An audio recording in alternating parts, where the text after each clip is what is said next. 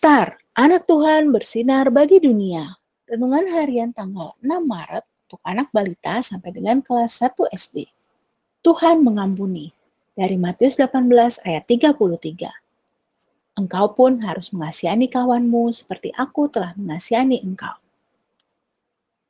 Setelah selesai makan malam bersama, keluarga Bulan, Bintang, dan Mentari berkumpul untuk berdoa dan membaca Alkitab bersama.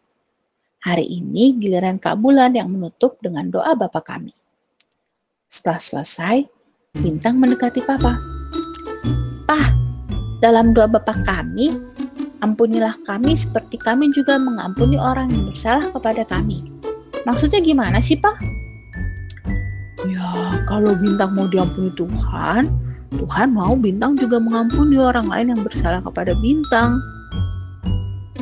Oh, begitu ya, Pak.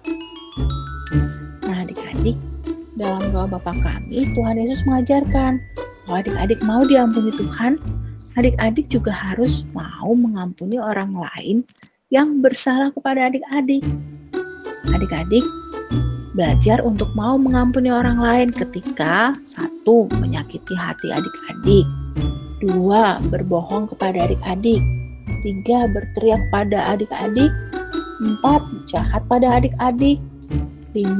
Mengambil barang punya adik-adik Atau 6. Menabrakku dan lain-lain Belajar ya adik-adik kita mau memaafkan mereka Yuk kita berdoa Tuhan Yesus Ampuni kenakalanku ya Tuhan Aku berjanji untuk mau juga mengampuni orang lain yang berbuat salah kepadaku.